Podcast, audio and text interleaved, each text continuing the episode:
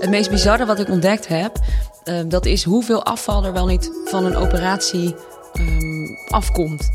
Uit de Ivoren Toren is terug met seizoen 4. Uh, operatiejassen, je ziet doekjes, je ziet handschoenen, je ziet materiaal om af te dekken. En hoe hebben we het zover laten komen als artsen?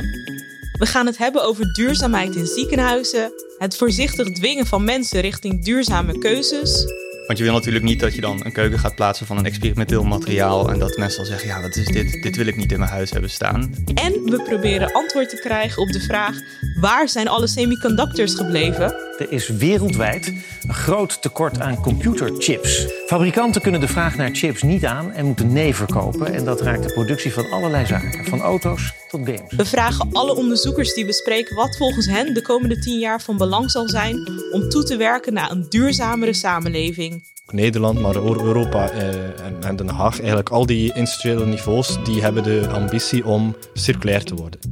Maar dat gebeurt niet zomaar en dat kan natuurlijk niet zomaar in de lucht gebeuren. Je hebt daar echt een locatie voor nodig. Het is misschien nog niet zo'n slecht idee om die te houden en niet om te zetten tot woongebieden. Ben je benieuwd naar de antwoorden? Luister dan naar Uit de Ivoren Toren. Abonneer je nu, waar je je podcast ook haalt.